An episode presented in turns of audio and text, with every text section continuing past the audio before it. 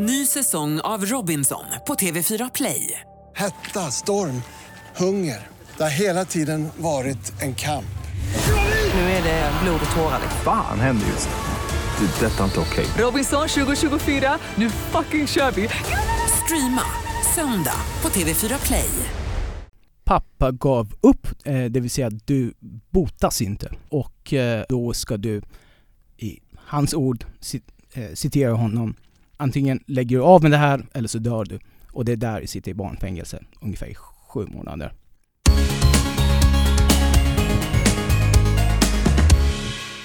Välkommen du som lyssnar till ännu ett avsnitt av Regnbågsliv med mig Anton Johansson. Och med mig, Tobias Torved. Och det här avsnittet eh, ska jag börja med att säga kommer förmodligen vara lite tyngre än de vi haft tidigare. Alltså, vi är inte rädda för att ha tunga ämnen, men på något sätt så det här avsnittet är väldigt tungt. Åtminstone till viss del tror jag att det kommer bli det för att vår gäst Heidi Ingens dotter har en historia av att bland annat vara utsatt för exorcism av eh, sina föräldrar och suttit i fängelse. Och, eh, ja, ni kommer höra i avsnittet. Vad eh, tänker du Tobias kring det? Ja, jag är så spänd på att få höra vad hon kommer berätta, för vi har ju läst lite grann och sett det i tv-program hon har varit med i och tidigare intervjuer, men nu vill vi verkligen gå på djupet från ett regnbågslivsperspektiv. Vad hände egentligen i hennes hemland och hennes resa till Sverige? Det tror jag är en ganska mörk, men också hoppfull historia typ. Ja, och sen vill vi självklart prata om vart har det tagit Heidi? Jag vill eh, liksom prata om hela resan från fängelse och exorcism fram till dagens Heidi. Nu tycker jag att vi sätter igång veckans eh, intervju.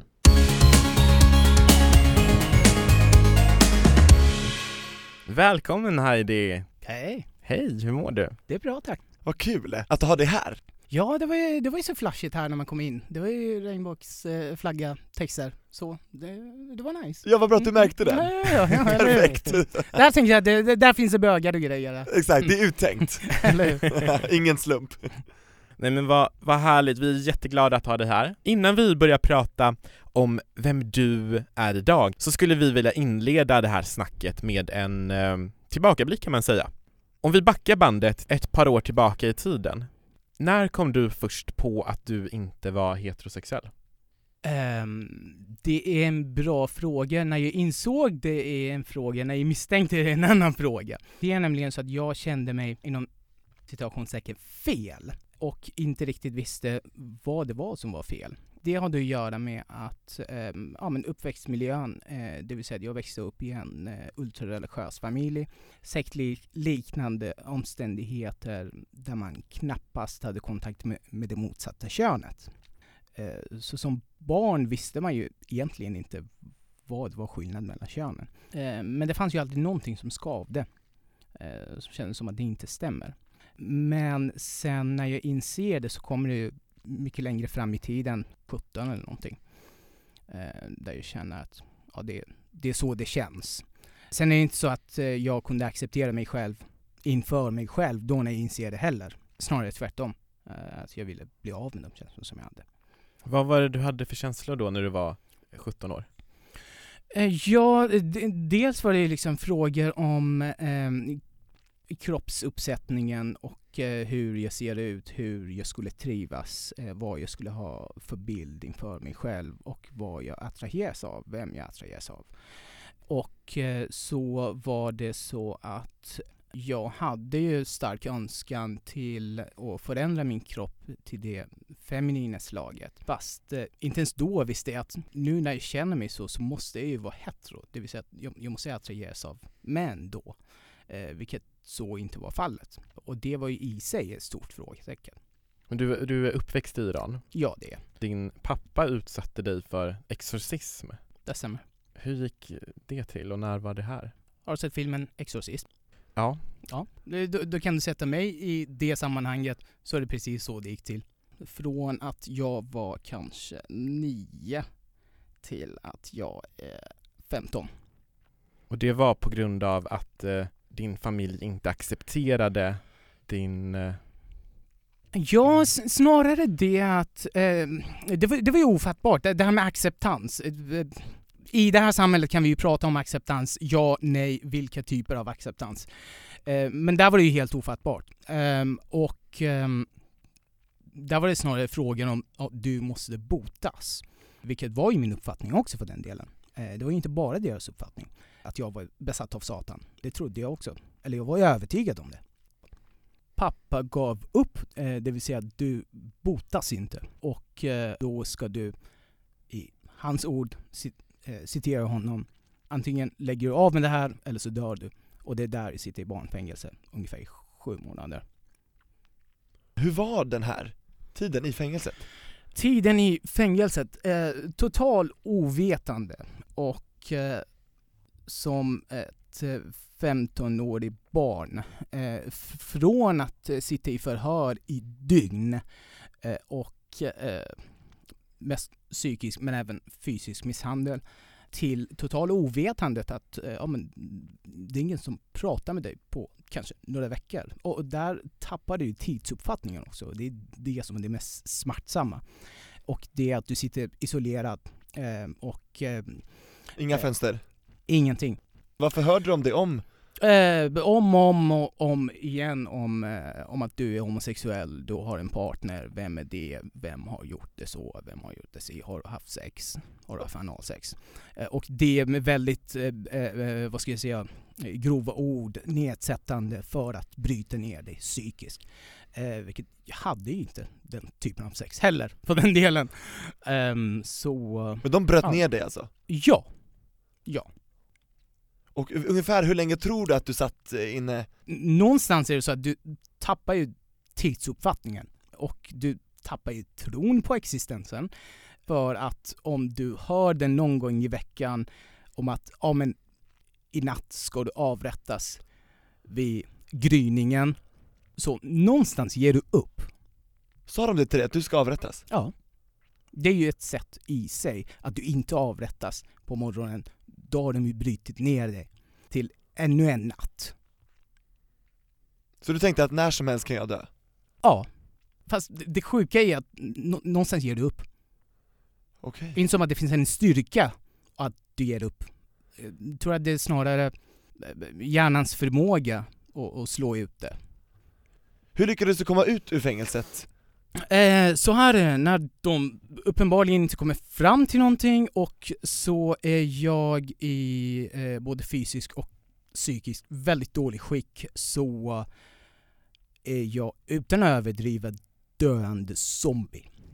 Och eh, där är det så att hämtar ut mig, ögonbindel, in i en bil, kastar ut mig i motorväg som sen jag kommer fram till att det är utanför huvudstaden Teheran där jag bodde då. Och vilket år var det här, när, när du kom ut eh, från fängelset? Det är en bra fråga. Som sagt, alla de här scenerna, tidsuppfattningen för mig är ju fortfarande väldigt, väldigt vaga minnen. Det, det, det, folk brukar säga att ja, men det, det där är som scener utdragen ur någon skräckfilm. Men vet du vad, så är det även för mig. Att man är så pass disassociativ till, den, till det som hjärnan försöker tränga undan. Men jag tror att det är, ja, 2005 är det. Och då är du eh, 17, 18 eller hur? Nej, där är jag ju 15, 15. 16. Så ung och liksom bara döende ut i vildmarken typ, eller ut? Ja. Oj. Du flydde till Turkiet då ju, Det stämmer och sen hur många månader var du på flykt innan du kom till Sverige då? Två år är det, tror jag. Eh, det yrar runt i eh, många europeiska länder. Eh, Grekland, Italien, Frankrike. Men sen är det så att jag har spenderat tid i vissa av de här länderna för att ta mig till ett annat land och så har jag misslyckats. Och så är det liksom, man skickas tillbaks hela tiden och så är det liksom, någonstans tappar man ju tråden, vad fan håller jag på med liksom.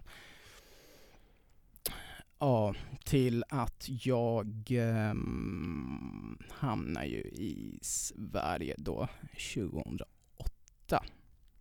Och hur, hur såg ditt liv ut när du kom till Sverige? När jag kom till Sverige. Ja. Jag placerade på ett, eh, det så kallat transitflyktingboende. Och så är det där asylprocessen som ska sättas igång då. Tog du upp eh, med myndigheterna när du kom till Sverige att du inte identifierade dig som heterosexuell?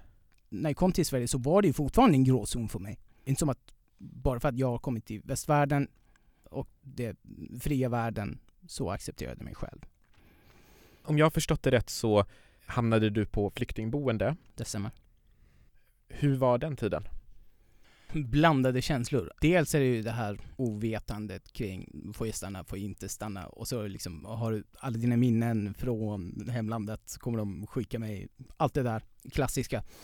Eh, men sen var det så att eh, efter en tid så tar jag mig modet att komma ut. Det är inte komma ut inför mig själv, det är inte som att folk på flyktingboendet, de som jobbar där, det är inte som att de brydde sig. Och Eh, då började jag klä mig lite mer androgynt, feminint så. Och det som är lite skrattretande är att där möter du problem. Det vill säga att du har kommit till ett fritt land, men friheten gäller överallt. Men inte innanför boendets murar jag har en kompis från Uganda som säger precis samma sak, att man har flytt Mm. från ett förtryck Mm. och kommer då till trygga, fria Sverige, Mm. men förtrycket fortsätter. Ja men så är det ju. Eh, HBTQ ehm, eh, kompetensen är ju inte på topp eh, på dessa boenden. K- eh, inte som att smutskasta en eh, grupp, men om jag ska liksom utgå ifrån där jag kommer ifrån är att vi saknar ord till och med för homosexualitet. På persiska? Ja, och där, det finns nyskapt ord nu på senare år, men där har man liksom använt ordet pedofil för homosexuell. Och, eh, det skulle väl se likadant ut i, i Sverige också om eh, det skulle vara eh, likadana omständigheter som det är i Iran. Så det är inga konstigheter på det sättet. Så ja, eh, även bemötande av de övriga som bor på boendet då. Jag träffade en av eh, dessa personal eh, som jobbade på det boendet då, för kanske en månad sedan eller någonting och, eh, och då hade hon hand om en eh, antagligen nyanländ flykting som hon skulle dra historien att ja, men hon har jobbat med mig, det vill säga att jag har bott på ett boende som hon har jobbat på då. Och eh, råkar och eh, säga, ja men eh, jag har eh, arbetat med den här mannen, jag. Tack för eh, det här eh, kunskapen. Vi Exakt. besitter ju kunskap och det har ju gått, mm, vad är det, fyra år? Något sånt där, där jag eh, bodde på det boendet. Så hon satte epitetet man på dig liksom? Ja, ja. Mm. Aha. Mm. Men det är det jag menar, att då spelar det ingen roll att du har den här HBT-certifieringen och det här diplomet som hänger på kontoret om du faktiskt inte arbetar med det.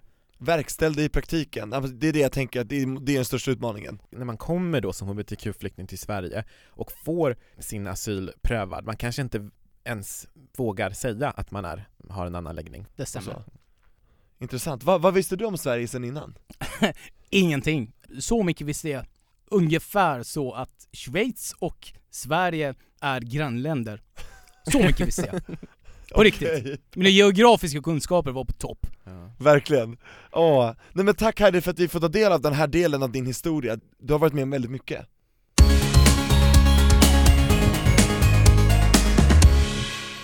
Och nu är jag intresserad av att prata om vem Heidi är idag Du var ju med i SVT's serie Tjejer som oss, som skildrar transtjejers vardag Men du identifierar dig inte som trans idag, stämmer det? Det stämmer. Det har ju, för mig, och så jag har alltid poängterat att när jag talar så talar jag enbart för mig själv.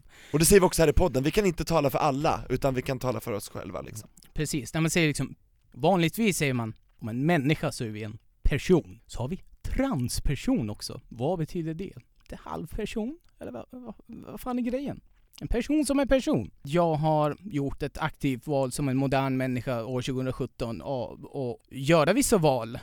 Såg du dig själv som trans tidigare? Alltså var, var du en del av transvården, eller vad ska man säga, hela den? Ja, alltså jag, jag har ju gått en utredning och eh, har varit eh, aktuell inom eh, transvården. Lite halvt, måste jag säga. För att jag började ju självmedicinera eh, och var i stort sett klar när jag kom till vården. Och, eh, Och när du säger självmedicinera, är det att ta hormoner eller vad innebär det? Ja, och vissa av de ingrepp, kirurgiska ingrepp som jag har gjort så har jag ju bekostat själv. Så, inte sådär jätteaktuell har man inte varit inom vården, förutom den delen med utredningen då. Eh, jag har velat ha tatueringar, jag har velat ha tatueringar på huvudet, vilket är ju rätt så udda och eh, det har jag. Eh, som har implantat i armen av eh, olika skäl eh, så har jag velat ha implantat eh, bakom bröstmuskeln. Så, lite närmare och nyanserat så har jag inte känt för att ha testiklar och då har jag opererat bort dem. Återigen, modifierat min kropp. Jag tycker att år 2017 borde vi ha kommit så långt, jag vill säga att var och en är fri och har den kropp som denne vill ha. Jag håller med dig helt och hållet där Heidi. Alltså, min utgångspunkt är alltid att så länge du inte skadar någon annan så får du precis vad du vill. Du var ju en del utav eh, transvården när du gjorde din utredning och du identifierade dig inte som trans idag. Men många, alltså transpersoner är ju överrepresenterade i självmordsstatistiken. Hur ser du på det? Eh, det stämmer, eh, tyvärr. Eh, och eh, så sent som tre dagar sedan eh, var det en nära bekant till mig som tog sitt liv. Ehm, Jag beklagar verkligen. Och det är ju en sanning som vi måste prata om. Dels transpersoners överrepresentation i den statistiken, men även i övrigt eh, är ju en fråga som fortfarande är tabubelagt. Varför tror du att eh, transpersoner är överrepresenterade i självmordsstatistiken? Jag skulle säga att bortsett från eh, funderingar och bekymmer som var och en kan ha som transperson då, så skulle jag tro att den rådande problematiken är ju samhällets syn på transpersoner som ställer till. Annars finns det ju liksom rätt till vård eh, och allt det här vi känner till. Men eh, problemet tar ju inte slut där.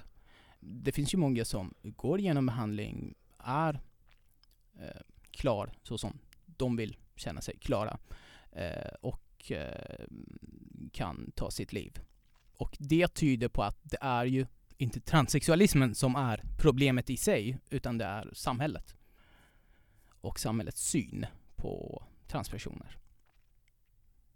Det är ju inte ens könsidentitet som skapar psykisk ohälsa, utanförskap. Eh, det är ju helt och hållet, eh, och hållet samhället och det är normerna som vi har.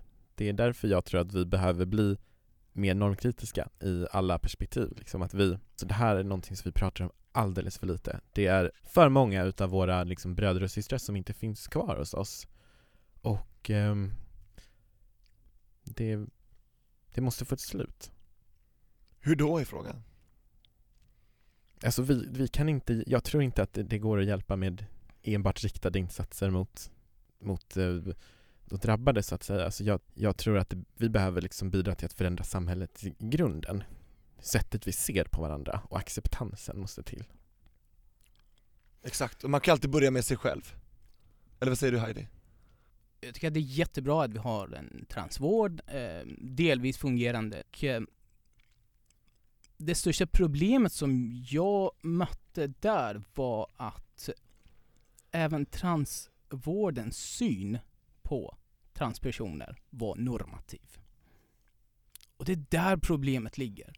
Det vill säga, det är en transperson med alla sina funderingar som kommer dit, och där ska man ju under utredningens tid ifrågasättas gång på gång. Det är en sak, absolut, om de vill utreda det, definitivt, gör det för all del. Men sen när du har fått din diagnos, då har vi det så kallade real life. Real life! Då ska du alltså bevisa, upp till bevis till Socialstyrelsen, till myndigheter, att du kan leva upp till samhällets förväntningar.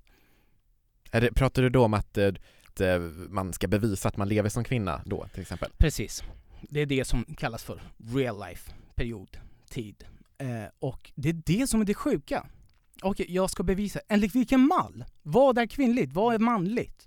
Precis, är det typ så här, men du, nu ska du ha klänning på dig? Eller? Och ehm, när en som kommer dit med dessa funderingar och så ska man hoppa in i en roll som kanske inte nödvändigtvis känns hemma men ändå vill förändra kroppen så som den vill. Fast ändå är det ju prat om roller och förhållningssätt till samhället. Att det ska vara normativt. Nu när du ska få kvinnliga eller manliga personnummer så ska du bevisa oss att du kan leva upp till de för- förväntningar som samhället i stort har. Vad händer om man inte lever upp till deras förväntningar? Jag tror att det svåraste för en transperson under den perioden är att bli ifrågasatt. Man har ifrågasatt sig själv sedan tidig barndom, de flesta. Och av samhället också. Eh, Men där ska man komma och bli ifrågasatt, återigen. Och där ska vi prata om psykisk ohälsa bland transpersoner. Hur mycket press är inte det? Att hela tiden tänka på sin röst. Ja men passera min röst. Who the fuck cares? Jag bryr mig inte. Jag, jag har gjort en stämbandskorrigering också. Apropå modifiering. Så kan man också modifiera sin kropp. Men det är inte den, den rösten jag pratar med idag. För att jag känner att jag gick massor med logopedbehandlingar och så en operation på det. Eh, för att jag skulle låta på ett visst sätt för att jag ska tas av samhället när vi pratar i telefon. Get the fuck out of my life! Jag vill prata som jag vill! Det är så helt enkelt. Precis, och det här för oss ju vidare till eh, liksom Heidi idag. För du jobbar ju nu som fotograf, och modell, och makeupartist. Ja. Fol- Folk säger, "Ja, men är det inte bra att nischa dig på någonting så du kan ju liksom leverera? Så tänker man, jag drar ner på sömntimmar så kan jag leverera i alla de där sakerna som jag håller på med. Då har du massa tid. Ja, alltså jag är ju... Eh, så här är någonting som har gjort att jag har överlevt är ju för det första av ren tur, eh, lite grann med tanke på eh, min bakgrund och eh, vissa ställen känner jag att jag verkligen överlevt av ren tur. Men den andra faktorn är faktiskt min livsvilja och jag känner att ja, men jag dygnar i två dygn, kanske inte så hälsosamt, men jag gör det som är kul. Det vill säga det jag pysslar med. Och eh, väldigt osvensk. Och jag tror att jag är ganska bra på det jag gör. Och eh, är villig och blir bättre i de områden som jag mm, grejar också. 2017 känns verkligen som mångsysslarens eh, år. Det känns typ som att det är inte det nya grejen. Man ska liksom ha flera projekt igång samtidigt. Ja, om man tänker på Trump för president. Som inte var en politiker, mångsysslare, en affärsman. Han hade, gärna fått, eh, han hade gärna fått hålla sig till Mm. business. Det jobbet behövde han inte ta. Så definitivt 2017, mångsysslarens år. Hinner du med att dejta eller är det jobb? Ja, dejta gör man faktiskt flitigt också, håller jag på att säga. Eh, nej, faktiskt, ja, hinna gör jag. Och eh, nu senare tid så har jag träffat en som känns bra. Så har man dragit ner på dejtandet, eller dejtar man inte alls, för att den person som jag har träffat känns rätt. Du Så. dejtar mer koncentrerat kan man säga, Ja, en och samma ja, person. ja, så kan man ju säga. Grattis! Tack. Och då måste jag bara fråga, för du, jag tyckte det var, det var så intressant du sa att liksom, du ser folk mer som personer Är det samma när du dejtar? Ser du bara personer eller ser du kön också? Eller vad ser du när du... Jag tror att jag ser personen. Eh, sen är det så att jag inte direkt attraheras av maskulinitet. Sen vad du har för könsorgan är ju en helt annan fråga. Eh, För alla kan vara som maskulina jag inte tänker på när jag, när jag träffar folk. Typ så. Precis, så att om man vill liksom få Heidi på fall, då ska man kanske vara lite mer feminint lagd eller? Lite mer Ja, Eller? jag skulle tro. Mm. Androinlagt. androgyn? Mm. Tror Spännande, men det är bra, alltså grattis till kärleken, Ja, tack. det är härligt att vara kär Vi avslutar dagens avsnitt med att gå in på eh, veckans lyssnarbrev. Du som lyssnar får jättegärna skicka alla dina frågor och funderingar till oss på vår Facebook-sida Regnbågsliv. Det kan vara högt och det kan vara lågt och, eh, och har vi en fråga som eh, vi tycker passar den gästen som är med så är det mycket möjligt att eh, vi tar upp den i programmet. Och passa på att gilla Regnbågsliv också på Facebook om ni inte gör det Oh, det ska jag göra. Absolut. Tack, ja, Heidi. jättegärna. och du är alltid anonym när du skriver till oss om du inte vill att vi ska nämna ditt namn. Shoutout Ja, nej men eh, veckans lyssnarbrev då.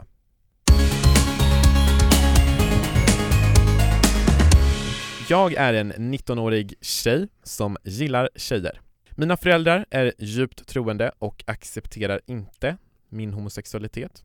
Jag gick till min bror som tog mig till vår församlingsledare för att få rådgivning och fick då till svar att det inte finns homosexuella i vår tro. Det känns helt omöjligt att förena kulturen mina föräldrar har med mina känslor. Min bror förstår mig och har sagt att han är på min sida oavsett. Han har heller inte berättat för våra föräldrar. Men jag vet inte hur jag ska göra med, med eh, föräldrarna. Har ni tips till mig? Heidi, vad säger du? Eh, nej, hur eh, tråkigt än det låter, nu vet jag ju inte hur allvarlig den här situationen är och om det går att diskutera det såklart ska man ju göra det med sina anhöriga. Men ifall man kommer till en punkt där det inte finns någon utväg så måste man backa och eh, ta sin identitet eh, tillvara. Vad tror ni om att eh, den här personen ska använda internet? Eller det är bara en tanke som kommer upp hos mig spontant. Jag har absolut inte de erfarenheterna, jag har egentligen inte koll, men jag tänker spontant att man till exempel, att man kan googla, till exempel är man muslim eller är man eh, till exempel Jehovas vittne eller ja, vilken tro man än har. Och man kan googla typ så här gay muslims eller gay Jehovas vittnen eller alltså det borde ändå finnas någon form av, och, alltså träffa likasinnade med samma tro tänker jag, att hitta stöd i. Vad, vad tänker ni om det? Så länge inte det är någon slags avvärjningsklinik Nej, det får det absolut inte vara. Ja, nej men det är sant Definitivt om den möjligheten finns eh, så absolut. Jag, jag är definitivt inte för att man bryter kontakt med, med sina anhöriga. Det är sista Eh, utvägen så det, det är den allra sista utvägen, eh, hur ont det än gör. Så. Kommer att göra ondare om man är kvar hela sitt liv i en församling där man inte känner sig accepterad och kan Det, leva det skulle jag definitivt säga. Jag har levt i förnekelse själv genom olika tillvägagångssätt. Bland annat att höra till en tro, även efter att jag har kommit ut. Eh, så bestämde jag mig. Därför, där fanns det ju också en period där jag liksom tänkte att ja, men nu ska jag ge det ytterligare en chans och leva som det kön som jag föddes som. Eh, och klev in i en annan roll, eh, odla helskägg. Så. Eh, och eh, där kände jag att jag började må sämre och sämre och sämre. Och till slut var tunga missbruksproblemet för att lägga locket på de känslor jag hade. Men det går inte. Undertryck inte din identitet, det blir liksom, det blir inte bra. Sök stöd. Kurator eller någon, någon eh, liksom, mottagning eller också ens vänner eller likasinnade som man hittar på nätet, man har en annan, om du förstår, en, egen, en annan familj man kan gå till För att visst, det kanske känns jobbigt i början men du kommer må mycket bättre när du får leva resten av ditt liv som du vill och inte på någon annans villkor. Jag glömde bort att hon var 19 år, det är därför, men det är så jättebra att du tog upp det här om ungdomsmottagning, för det är ju verkligen, alltså hon kan ju gå dit och förklara sina problem och få träffa en kurator, psykolog eller liknande, för jag tror att eh, det, det behöver man. En professionell person. Det, Men- det är väl det bästa vi kan ge, hoppas att det var svar till dig som undrade. Och du som lyssnar, skicka in fler frågor, funderingar eller ja, vad som helst. Skriv till oss på Regnbågsliv på Facebook och eh, gå in och gilla sidan när du ändå är igång. Tusen tack för att du eh, kom och besökte oss här i våran lilla studio idag Heidi. Vi är så glada att vi får, eh, att vi har fått träffa dig här idag och att vi har fått eh, snacka om allt möjligt. Tusen tack Heidi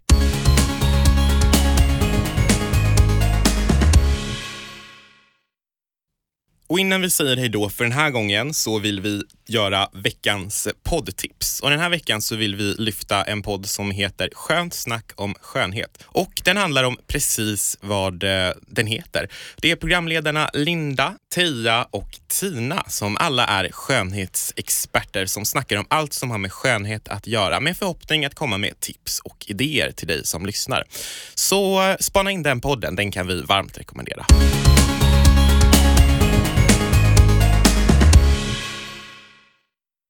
Ny säsong av Robinson på TV4 Play. Hetta, storm, hunger. Det har hela tiden varit en kamp. Nu är det blod och tårar. Fan händer just nu. Det. är Detta är inte okej. Robinson 2024, nu fucking kör vi! Streama söndag på TV4 Play.